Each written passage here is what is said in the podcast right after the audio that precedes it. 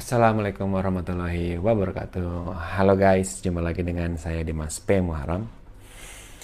Um, saya masih di hotel yang sama di daerah Jakarta Utara ini, dan alhamdulillah hari ini sudah selesai tugasnya. Jadi selama dua hari ini kurang lebih saya itu menjadi salah satu juri untuk menilai lomba dongeng tingkat nasional untuk siswa tunanetra tingkat SMP inklusi dan juga SMP LB. Jadi um, lomba ini dalam rangka bulan bahasa yang dilaksanakan oleh uh, Badan Bahasa Kementerian Pendidikan, Kebudayaan, Riset dan Teknologi.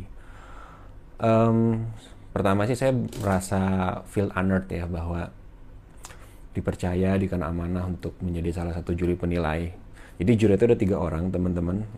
Saya kemarin nggak nggak ada kesempatan sih buat ini uh, bikin video bareng. Cuman ada fotonya nanti saya jadiin thumbnail. itu ada namanya Kak Rona Mentari. Beliau itu judulnya sih juru dongeng keliling ya. Jadi ya profesional storyteller lah gitu. Itu juga teman juga kebetulan di Forum Indonesia Muda jadi emang kalau kita banyak ikut organisasi itu memang dunia rasanya agak sempit sih karena ke mana-mana ketemu teman. Ya alhamdulillah. Terus juga ada Pak Marja beliau adalah salah satu dosen jurusan pendidikan luar biasa di Universitas Negeri Jakarta. Nah jadi um, setelah kita cek uh, diskusi dari lebih dari 60 video yang masuk um, kita sudah menemukan pemenang-pemenangnya tapi nanti pengumumannya itu pas bulan bahasa jadi tunggu aja ya. Uh, saya pengen sharing satu hal ini sih bahwa mm, menarik banget ketika mengikuti proses ini mulai awalnya ketika bulan Agustus kalau nggak salah ketika ditawari untuk jadi juri lalu juga untuk bantu menyebarkan infonya juga mengajak adik-adik uh, tunanetra yang masih SMP untuk ikut terus juga waktu itu ada webinarnya juga webinar mengenai ini. Saya ngomongin soal masalah bahwa dongeng ini jadi sebuah peluang buat teman-teman disabilitas khususnya tunanetra dan sampai sekarang di ini penjurian ya jadi metode lombanya itu karena kita sedang pandemi jadi metodenya itu ya online uh, bright people. Jadi peserta membuat video membuat video satu take itu dengan durasi maksimal itu 7 menit dan video itu diupload ke media YouTube dan itu nanti kita nilai secara online. Um, di luar itu semua ya, di luar bahwa ini lomba tingkat nasional diadakan oleh kementerian dan lain-lain. Tapi ini mempunyai dua efek sih kalau dari saya pribadi ya, khususnya buat teman-teman tunanetra dan juga masyarakat pada umumnya. Buat teman-teman tunanetra apa sih? Ini kan lombanya untuk anak SMP. Jadi usianya itu masih usia adolescence lah ya, usia remaja.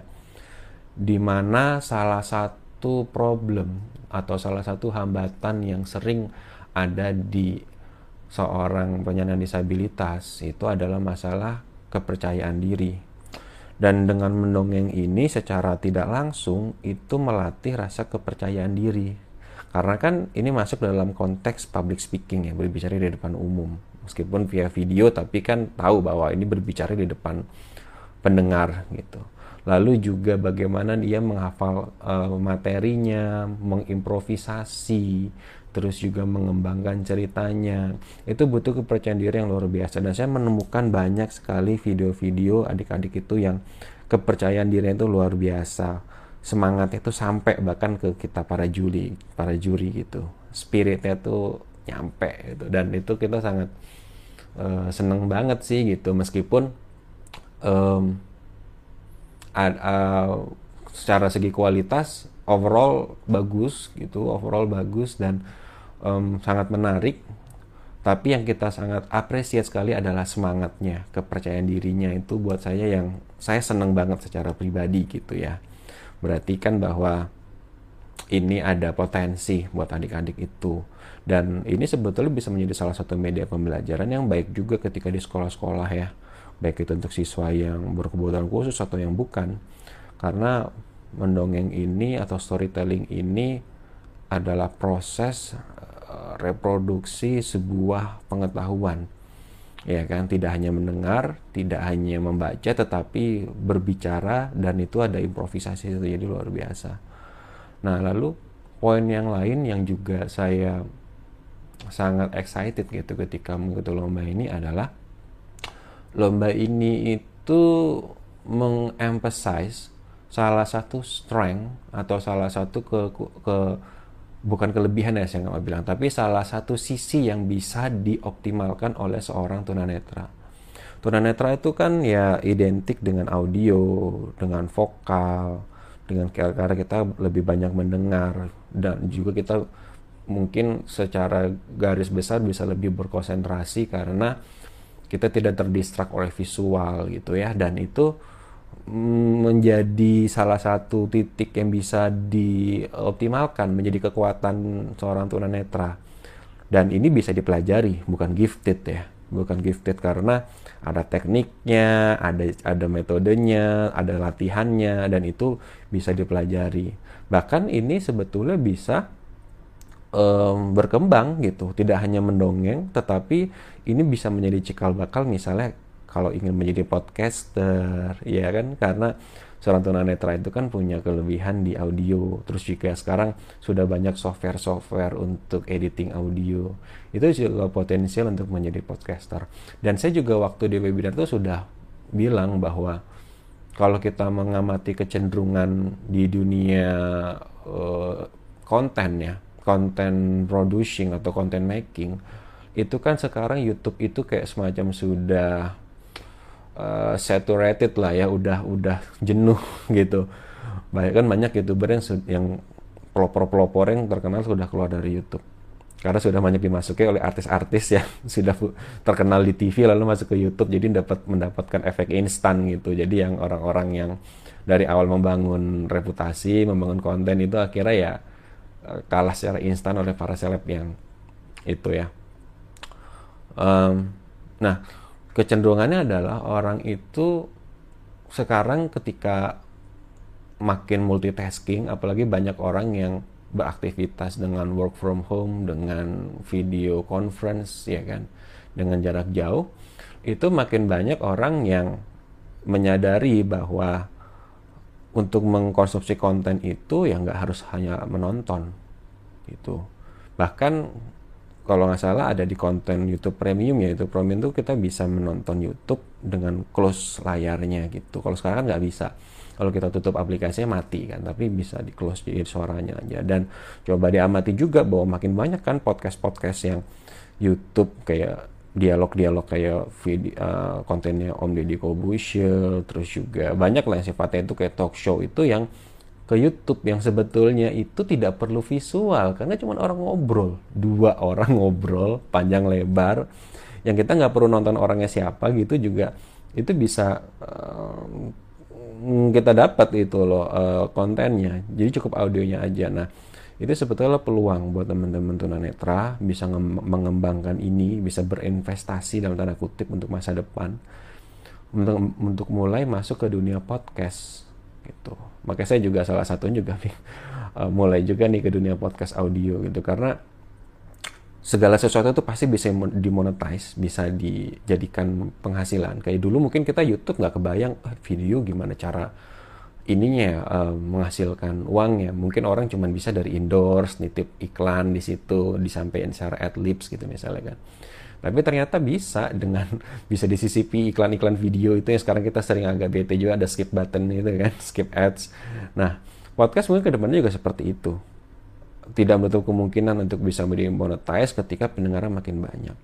Dan ini bahkan pendengar menurut saya sih jang, uh, scope atau pangsa pasar bisa lebih luas ya karena kita bisa dengerin podcast, dengerin orang audio tuh bisa dengan melakukan hal lain sambil kerja, atau misalnya di kendaraan atau tempat lain gitu dan itu luar biasa. Dan kalau kita cek terakhir itu kayak Spotify tahu kan Spotify ya?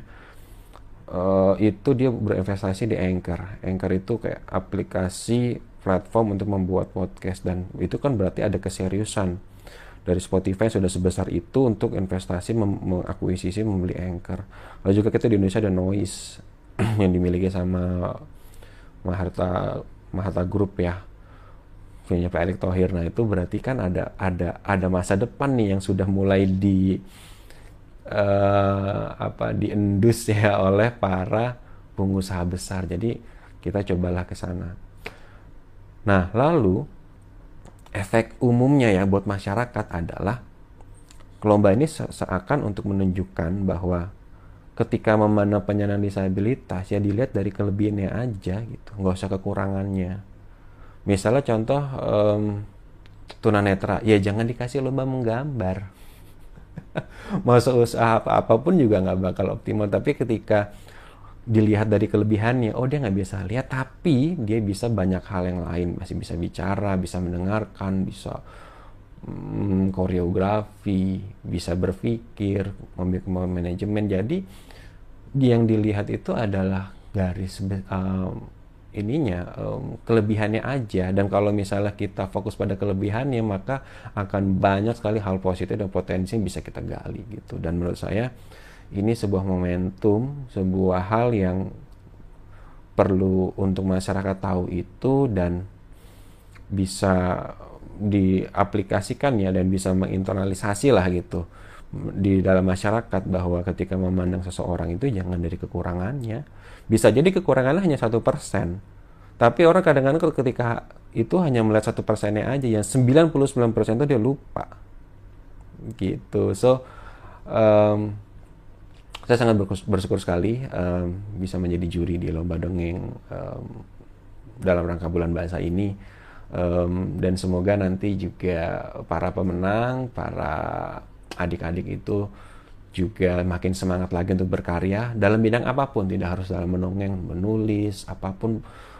Pokoknya punya skill di bidang apa pun kembangkanlah itu karena pekerjaan yang paling enak itu adalah ketika kita punya hobi yang bisa ditransformasikan ke menjadi sebuah profesi dan itu perlu serius ya.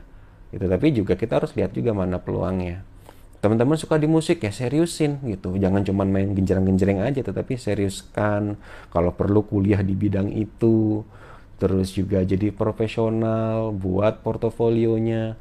Teman-teman yang misalnya suka nulis ya buatlah blog buatlah buku serius ikut kursus segala macem. Jadi kembangkan apa yang kita bisa jadi kelebihan kita dan itu bisa menjadi penghasilan kita ke depan. Oke itu aja teman-teman. Saya mau share uh, ini udah subuh juga mau siap-siap berangkat lagi ke kantor lagi pekerjaan kantor lagi. Semoga uh, bermanfaat saya sharing ini. Dan jangan lupa buat teman-teman yang belum subscribe silahkan subscribe ya. Dan diklik like dan juga share uh, video ini ke sebanyak mungkin teman. Semoga kita semua bisa mendapatkan masa depan yang cerah secerah sinar mentari oke okay, bright people thank you I'm Dimas P. Muharram signing out and See ya.